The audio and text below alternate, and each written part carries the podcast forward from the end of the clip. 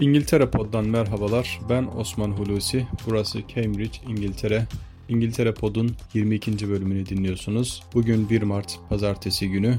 Baharın ilk günü, başlangıcı. Umarım bu bahar bütün dünyaya, özellikle de Türkiye'ye güzellikler, hayırlar ve sağlık getirir diye temennide bulunalım. Bugünkü bölümümüzde iki konuyu ele alacağız. Bunlardan birincisi İngiltere'de ve dünyanın birçok yerinde yavaş yavaş koronavirüs tedbirleri kaldırılmaya başlandı. Baharın gelişiyle, yazın yaklaşmasıyla birlikte ve uygulanan sıkı tedbirlerin e, sonuç vermesi, vaka sayılarının azalmasıyla birlikte bir taraftan da aşı çalışmalarının hızlandırılması ve insanların milyonlarca insanın aşılanmasıyla birlikte tedbirler yavaş yavaş kaldırılıyor. Tabii ki ülkelerin ekonomisi içinde çok önemli bir e, durum bu. E, çünkü dünyanın birçok ülkesi e, ekonomik küçülme yaşadı bu koronavirüs süreçlerinden kaynaklı kısıtlamalardan dolayı. O yüzden mecbur açmaları gerekiyor ve insanlar da evlerde sıkıldılar artık. Bu insanların da bir şekilde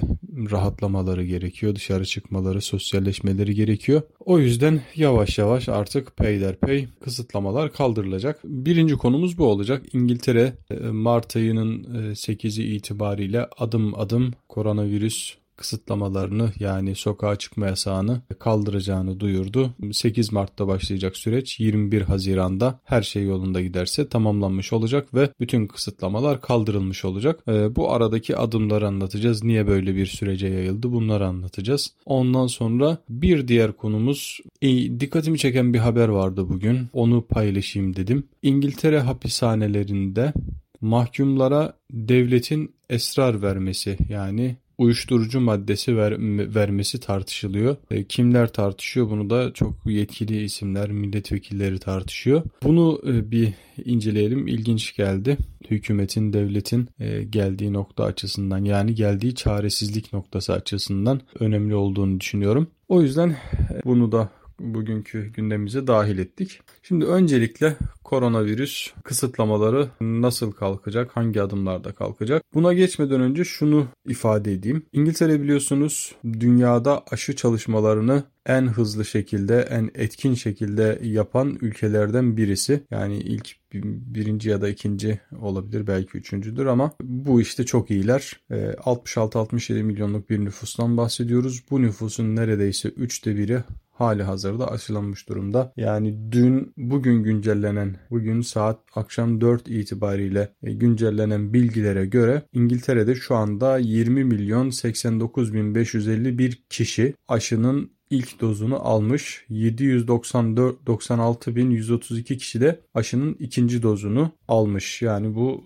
dünyanın geri kalanıyla kıyasladığımızda çok iyi bir rakam. E, biliyorsunuz İngiltere kendi aşısını üretiyor. Hani diğer ülkelerden de aşı alıyor. Pfizer BioNTech aşısını da kullandığını e, biliyoruz ama e, ağırlıklı olarak Oxford ve AstraZeneca e, aşısını kullanıyorlar e, ve aşılamada da gayet başarılılar. Yani yaşlı nüfusun neredeyse tamamını aşıladılar ve şu anda aşılanma yaşı 40'lara 50'lere e, gelmiş durumda. Gayet başarılılar. Bu başarı da başka bir başarıyı getiriyor. Kısıtlamaların kaldırılmasını daha erkene çekti. Bundan önce daha belirsiz bir süreç vardı. 15 Şubat'ta değerlendirilecek dedi. Başbakan Boris Johnson 15 Şubat'ta çıktı ve sadece şunu söyleyebildi. 8 Mart'ta her şey yolunda giderse okulları açmayı düşünüyoruz dedi. Ondan sonra iki gün önce bir değerlendirme daha yaptı. Bu değerlendirmede de tam yol haritasını açıklamış oldu. Nedir bu tam yol haritası? Şimdi bakalım.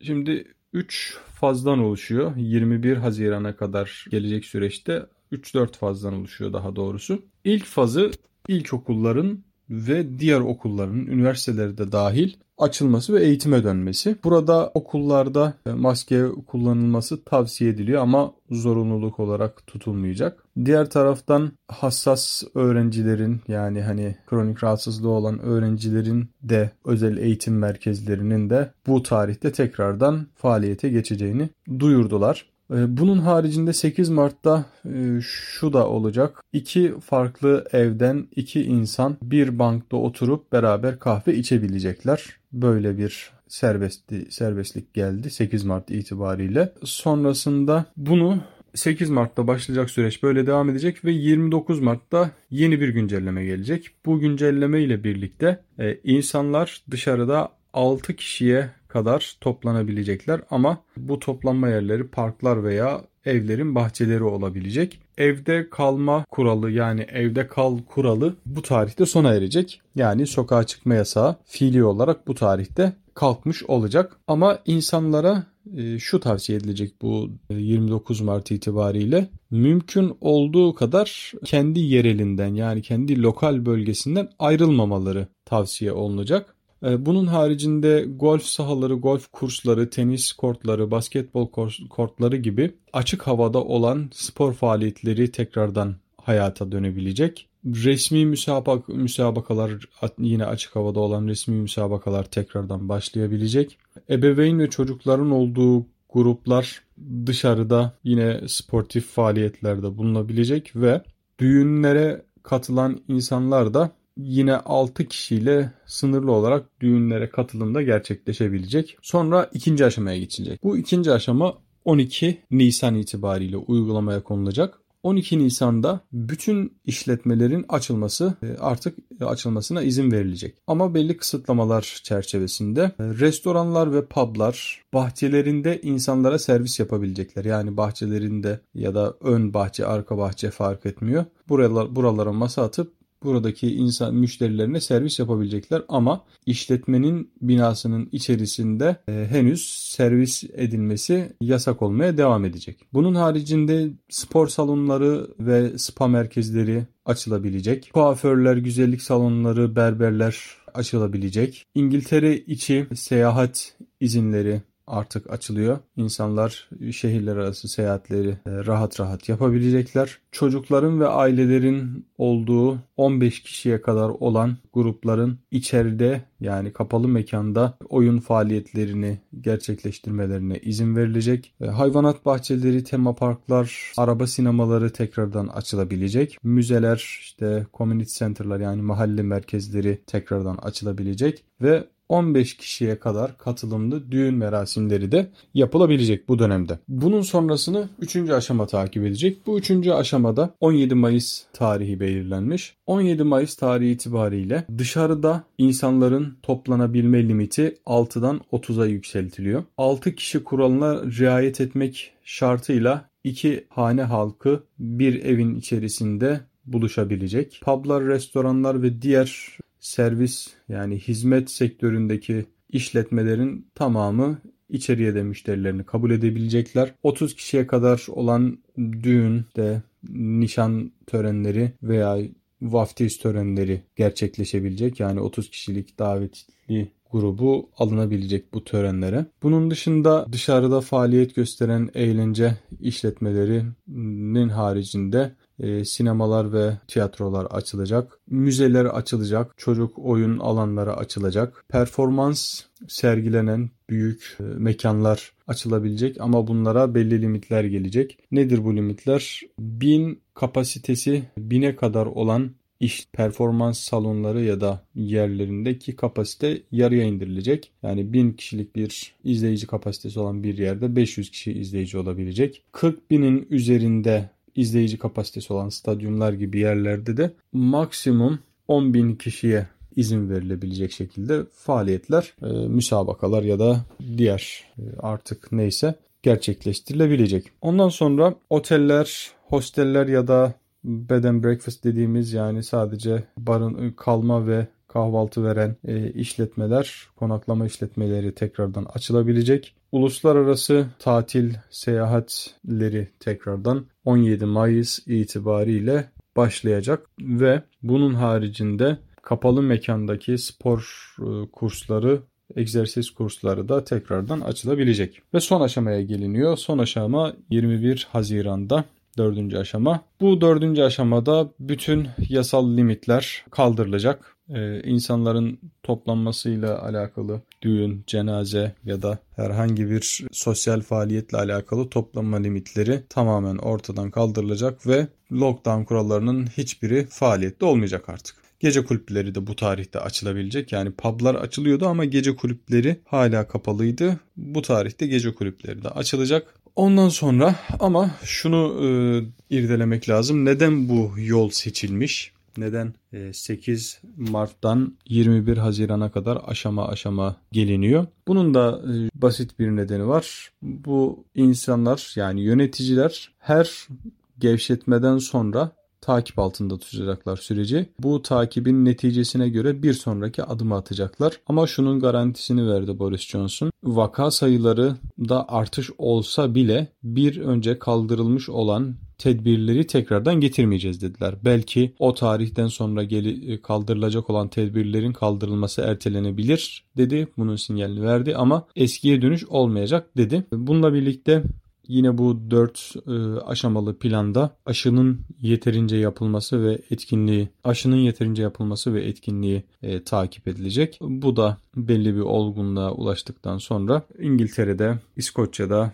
Galler'de ve Kuzey İrlanda'da bütün koronavirüs tedbirleri kaldırılmış olacak. Tabi İskoçya'da daha farklı bir ta, e, takvim e, izlenecek ama 3 aşağı 5 yukarı İngiltere ile aynı. İngiltere'de e, her büyük adım arasına 5 haftalık bir süreç konulmuş. İskoçya'da bu, bu 3 haftalık bir süreç e, şekilde iz, şeklinde izlenecek. Bu da biraz daha İskoçya'da tedbirlerin erken kaldırılması anlamına gelecek. Bunun bu birinci gündem maddemizdi. Bunu değerlendirdikten sonra şimdi İngiltere hapishanelerindeki esrar meselesine gelelim. Konuyu gündemine, gündeme getiren kişi İngiltere İngiltere'nin resmi uyuşturucuyla mücadele danışmanlarında İngiltere hükümetinin uyuşturucuyla mücadele biriminin danışmanlarından eski danışmanlarından Profesör de, Profesör David Nutt. Profesör David Nutt e, Londra'daki Imperial College'da öğretim görevlisi. E, David Nutt şöyle bir şeyle gündeme geliyor.